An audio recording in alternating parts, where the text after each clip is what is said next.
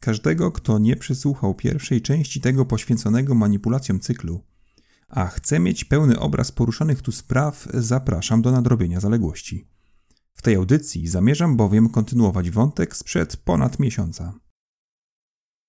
Wszystko to, co rozgrywa się właśnie w Twojej głowie, drogi słuchaczu, wszystkie te świadome i kontrolowane przez Ciebie procesy analizy, oceny, przyswajania informacji, skupienia uwagi czy zapamiętywania, to dla Zygmunta Freuda mało istotna powierzchnia Twojego życia psychicznego. Prawdziwy Ty, a w zasadzie prawdziwe to, którym jesteś, skrywa się w mroku nieświadomości, tak jak zbocza góry lodowej skrywają się w ciemnych wodach oceanu. I to właśnie tam, w niedostępnych dla ciebie warstwach twojej psychiki, znajdują się sprężyny, które wprawiają w ruch maszynerię twojej świadomości. Tymi sprężynami są irracjonalne, zwierzęce popędy. Najsilniejsze spośród nich to Eros i Thanatos, popęd życia i popęd śmierci, pragnienie tworzenia i pragnienie niszczenia. Dzień dobry Państwu.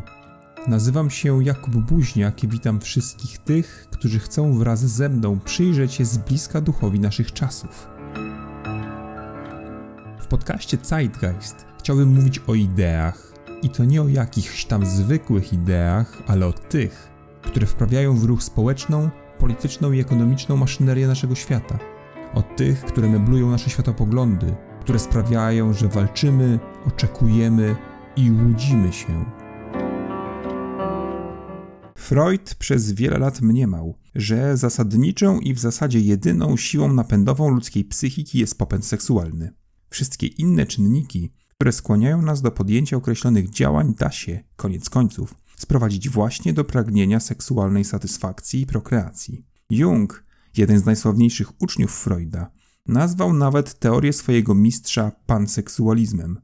Jednak horror I wojny światowej, to masowe i wymyślne mordowanie się milionów, skłoniło wiedeńskiego psychoanalityka do rewizji swoich poglądów i do wprowadzenia drugiego, antagonistycznego względem Erosa popędu Thanatosa. Freud w ciekawy sposób tłumaczy jego przeznaczenie.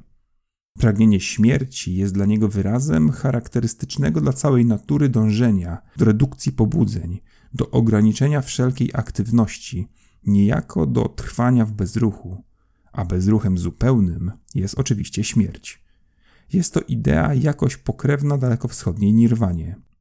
Zauważmy też, że freudowska wizja człowieka jest diametralnie odmienna od wizji, która dominowała w Europie grecko-rzymskiej, w świecie chrześcijańskim czy w nowożytnym humanizmie. Człowiek dla Freuda to istota irracjonalna, na pół zwierzę, pragnące spłodzić potomstwo i uciec w śmierć. Wychowanie, kształtowanie charakteru, przyswajanie sobie określonych norm kulturowych to tylko kajdany, w które nieszczęśliwe ludzkie zwierzę musi się dla własnego dobra zakuć. I które często z rykiem zrywa, gdy pan Hyde bierze górę nad doktorem Jekyllem. W pierwszej audycji poświęconej manipulacji przedstawiłem Wam, drodzy słuchacze, niejakiego Edwarda Bernesa, kuzyna Zygmunta Freuda, który zainspirowany ideami swojego wuja stworzył nowe instrumenty wpływu na ludzką świadomość, które nazwał, dość oględnie trzeba przyznać, Public Relations. Uznałem, że warto rozwinąć ten temat i przyjrzeć się, jak idee Freuda ewoluowały w drugiej połowie XX wieku i jak przeobrażały zachodni świat. Dla naszego drogiego Bernesa ale i dla innych freudystów człowiek to istota z gruntu irracjonalna i łatwa w manipulowaniu. Trzeba tylko wiedzieć, za jakie sznurki pociągnąć i w jakie struny uderzyć. Druga wojna światowa, podobnie zresztą jak pierwsza, zdaje się tylko potwierdzać przekonania psychoanalityków. To przecież dzięki rozbudzaniu irracjonalnych pragnień destrukcji i dominacji Hitler sięga po władzę i podpala Europę.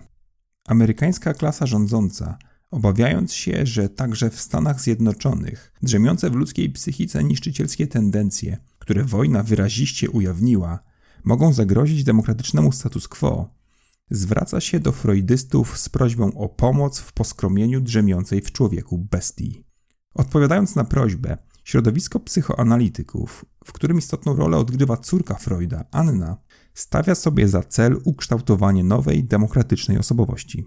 Ten nowy człowiek będzie nie tylko rozumiał psychologiczne mechanizmy motywacyjne, które rządzą jego zachowaniem, ale także będzie wiedział, jak na nie wpływać tak, by działały zgodnie z demokratycznymi wartościami. Ma to zapewnić powojennemu zachodniemu światu stabilność i przewidywalność, przynajmniej w teorii. Jak jednak tego dokonać?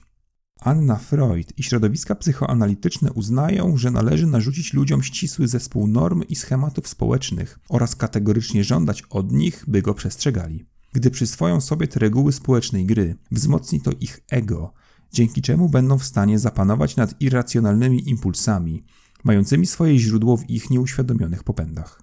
Ta idea wprawia w ruch państwową machinę. W roku 1946 amerykański kongres uchwala Mental Health Act. Do kraju wracają bowiem zmobilizowani żołnierze, nieraz psychicznie pokiereszowani. Kwestia zdrowia psychicznego staje się kwestią wagi państwowej. Szkoli się więc setki psychiatrów, pracowników społecznych i doradców małżeńskich, którzy mają uleczyć amerykańską duszę, pomóc jej przezwyciężyć powojenną traumę i uporządkować życie emocjonalne społeczeństwa. U podstaw tego społecznego programu leży przekonanie, wyraźnie wyrażone przez Annę Freud i jej zwolenników, że umysł ludzki jest w pełni plastyczny, że można formować go tak, jak formuje się rozgrzany wosk, że jego funkcjonowanie można wyregulować, że umysł można dostroić tak, by odbierał tylko pożądane fale. Zatrzymajmy się tu na moment. Zauważmy, że dotykamy tu jednej z centralnych dla filozofii politycznej kwestii, a mianowicie problemu wolności i równości. Czy każdy człowiek powinien móc swobodnie dysponować swoim życiem, czy też dla jego własnego dobra należy mniej lub bardziej subtelnie ograniczać jego wolność? Oraz czy w społeczeństwie powinna istnieć przynajmniej w jakimś stopniu wyróżniona grupa tych, którzy wskazywaliby reszcie kierunek marszu? My, dzieci rewolucji francuskiej, wykrzyknęlibyśmy zapewne zgodnym chórem.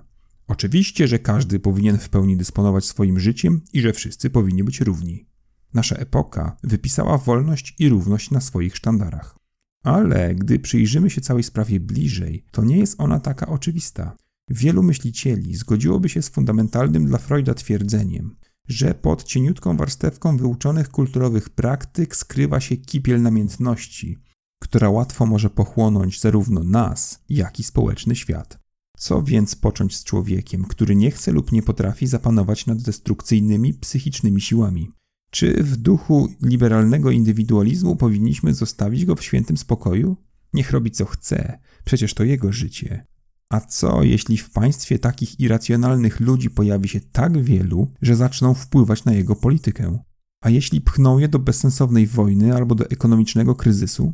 Może więc należy zadbać o to, by takich ludzi było jak najmniej. Może należy, w imię dobra publicznego oczywiście, uciekać się do indoktrynacji i mówić ludziom wprost, jak mają żyć. A gdy się do tych zaleceń nie zastosują, uciekać się do różnych form przymusu. W latach 40. XX wieku rząd amerykański tak właśnie uczynił. Zobaczmy, jakie dało to rezultaty. Jak pamiętamy, jeszcze przed II wojną światową Edward Pernes przekonuje amerykański big business, że na ludzkich podświadomych namiętnościach można dobrze zarobić. I że zamiast o użyteczności produktu trzeba mówić o satysfakcji, jakie daje jego posiadanie. Wytyczonym przez Bernesa szlakiem podążają teraz inni psychoanalitycy. Za pieniądze wielkich korporacji tworzą Institute for Motivational Research, gdzie dociekają, dlaczego ludzie kupują takie, a nie inne produkty. Są freudystami, Uważają więc, że za poszczególnymi rynkowymi wyborami stoją ukryte popędy, namiętności i emocje. Chcą dokładnie poznać te psychologiczne mechanizmy i wykorzystać je, by zwiększyć zyski swoich zleceniodawców. Poszukują kamienia filozoficznego współczesnego kapitalizmu, sekretnego ja amerykańskich konsumentów. Jaką metodę obierają? Zadają ludziom bardzo ogólne pytania i pozwalają im swobodnie rozprawiać, Podobnie jak psychoanalityk pozwala mówić leżącemu na jego kozetce klientowi. Istnieje jednak pewna drobna różnica. Psychoanalityk zazwyczaj pyta swoich klientów, kiedy ostatnio myśleli o seksie z własnym ojcem lub matką. Konsumenci zaś mają opisać idealny opiekacz, klucz francuski albo bujany fotel. Te nowe, specyficzne sesje psychoanalityczne nazwano badaniami fokusowymi. Badania dały użyteczne rezultaty. Ciekawym przypadkiem są produkty marki Betty Crocker, która w latach 50. wprowadza na amerykański rynek ciasta w proszku. Choć konsumenci, głównie panie domu, zapytani deklarowali chęć zakupu, to produkty nie znikały z półek. Psychoanalitycy uznali, że przyczyną braku zainteresowania ciastami jest nieświadome poczucie winy, które żywią gospodynie na myśl o wygodzie i łatwości, z jaką można je przygotować. To przecież brak szacunku dla moich najbliższych, mogła pomyśleć jedna z gospodyń. To pójście na łatwiznę, myślała inna. Tę psychologiczną barierę należało usunąć. Jak tego dokonano? W prosty sposób. Dano pieczącej ciasto kobiecie poczucie, podkreślam poczucie, aktywnego uczestniczenia w całym procesie. Kazano jej po prostu dodać do proszku jedno jajko. I to załatwiło sprawę. Poczucie winy zniknęło, a wraz z nim z półek zaczęły znikać ciasta. Jaki płynie z tego morał? Ano taki, że konsument, a zatem każdy z nas, nie do końca wie, czego chce. Często staje przed sklepową półką niezdecydowany i przygląda się barwnym pudełkom. To? Nie. A może tamto? Też nie. W końcu coś go jednak skłania do wyboru. Często nie wie nawet co. Jego, nasze wybory nie są więc zawsze racjonalne mogą być podejmowane na niższych poziomach naszej psychiki. I to do tych poziomów dokopywali się psychoanalitycy, usuwali istniejące tam bariery i dzięki temu nakłaniali nas do zakupu tych, a nie innych produktów. Czy to grzebanie w naszych głowach nie budzi w Was zaniepokojenia? Przeciętny Amerykanin nie zaprzątał sobie takimi błahostkami głowy. Zarabiał pieniądze, a w wolnych chwilach rozmyślał o nowym bójku lub Fordzie. Ten wóz po prostu mu się należał. Jedną rzecz musimy jednak podkreślić. W tym nowym amerykańskim konsumeryzmie chodzi jednak o coś więcej niż tylko o pieniądze. Konsumeryzm to nowa ideologia pracy, zakupów i, co bardzo istotne, rozpoznawania siebie w towarach. Zakupy stają się formą terapii. Uwalniają od stresów, pozwalają kształtować i doskonalić własny wizerunek, manifestować swój społeczny status oraz życiowy sukces. Modne i drogie ciuchy, gadżety czy samochody dodają pewności siebie i sprawiają, że we własnych oczach jesteśmy bardziej atrakcyjni. Konsumeryzm to nie tylko styl życia, to także, obok demokratycznych wartości, fundament dla całego gmachu amerykańskiego społeczeństwa. Konsumeryzm stabilizuje też psychikę jednostek, wytwarza nową zbiorową tożsamość, nadaje życiu sens i cel. Nie możemy jednak zapominać, że jego twórcy żywią przekonanie, że człowiek masowy jest irracjonalny, i że trzeba nim kierować, by nie pogubił się i niczym małe dziecko nie powrócił sobie nowych spodenek. Ten płaczliwy i humorzasty brzdąc potrzebuje więc stałego nadzoru i uwagi. Nieraz trzeba go pochwalić, a niekiedy dać mu karcącego klapsa. Lata 50. to w Stanach Zjednoczonych dekada strachu przed ekspansją komunizmu i nuklearną zagładą. To wtedy na naszej scenie po raz kolejny pojawia się Edward Bernays, siostrzeniec Freuda. Amerykański establishment, widząc jak silne są społeczne emocje wyzwalane przez zimną wojnę, postanawia raz jeszcze skorzystać z jego usług.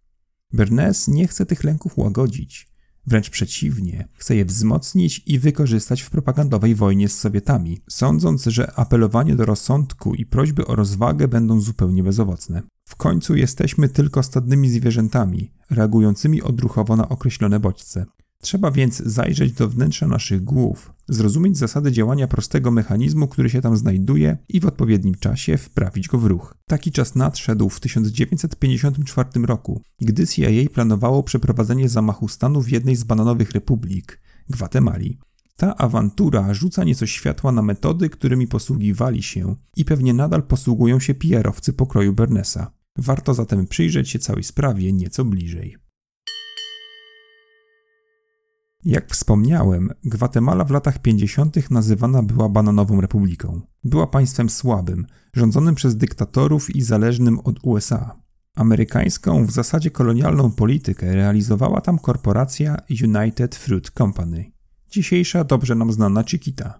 Dzięki ogromnym plantacjom, politycznej protekcji, taniutkiej sile roboczej i ogólnoświatowemu apetytowi na banany, Jankesi zarabiali na tym interesie krocie. W 1951 roku tłuste dla korporacji lata kończą się. W tej małej republice do władzy dochodzi bowiem Jacobo Arbenz, polityk lewicowy, ale nie powiązany z Moskwą. Przeprowadza on reformę rolną, w wyniku której United Fruit Company traci znaczną część wykorzystywanych przez nią ziem. Zarząd korporacji, widząc, że utracił lwią część zysków, nie zamierza przejść nad tym do porządku. Wynajmuje więc, tak, tak, nie mylicie się, naszego drogiego pana Bernesa, by ten coś z tym fantem zrobił. Bernes obiera następującą strategię. Postanawia przekonać społeczeństwo amerykańskie, że oto tuż za rogiem w Gwatemali komuniści założyli swoją bazę wypadową i zagrażają nie tylko interesom gospodarczym, ale i bezpieczeństwu USA. W całej tej awanturze nie chodzi więc o to, że wielka korporacja traci miliony brudnych dolarów, ale o to, że Sowieci chcą podłożyć bombę w amerykańskim ogródku i zagrozić ojczyźnie wolności i demokracji. Bernays wysyła do Gwatemali amerykańskich dziennikarzy i dzięki kilku zręcznym sztuczkom przekonuje ich, że kraj rządzony jest przez jadowicie antyamerykańskich polityków. W samych Stanach zakłada biuro prasowe i zalewa Amerykanów informacjami o rzekomych sowieckich planach wykorzystania Gwatemali jako przyczółka w inwazji na USA. W dobie szpiegomanii i czerwonej paniki ryba łatwo łyka haczyk. W całą sprawę miesza się też amerykański wywiad, który za wiedzą i zgodą prezydenta Eisenhowera zamierza przeprowadzić w Gwatemali zamach stanu. Działania Bernesa są agencji bardzo na rękę. Wykorzystuje ona jego agencję prasową, by przekonać Amerykanów, że zamach zorganizowali prawdziwi gwatemalscy demokraci. Kampania prasowa kończy się powodzeniem. Opinia publiczna w Stanach popiera przewrót i wszystko dobrze się kończy. W wyniku obalenia Arbenza United Fruit Company odzyskuje swoje wpływy, a amerykański establishment docenia Bernesa i jego metodę. Tę metodę Bernays nazywa Engineering of Consent inżynierią zgody. Jak dobrze wiemy, zgoda ta ma powstać na skutek manipulacji nieświadomymi impulsami i popędami, które Freud miał odnaleźć w niższych warstwach naszej psychiki. Ale tak inżynieria zgody, jak i cała freudowska wizja człowieka zostanie niebawem zakwestionowana. O tym jednak powiem w kolejnej audycji. Do usłyszenia. Dziękuję Ci za wysłuchanie odcinka podcastu Zeitgeist. Cieszę się, że duch naszych czasów nie stępił jeszcze Twojej intelektualnej ciekawości. Chciałbym też zaprosić Cię na kolejną audycję i życzyć Ci by świat nigdy nie przestał cię dziwić.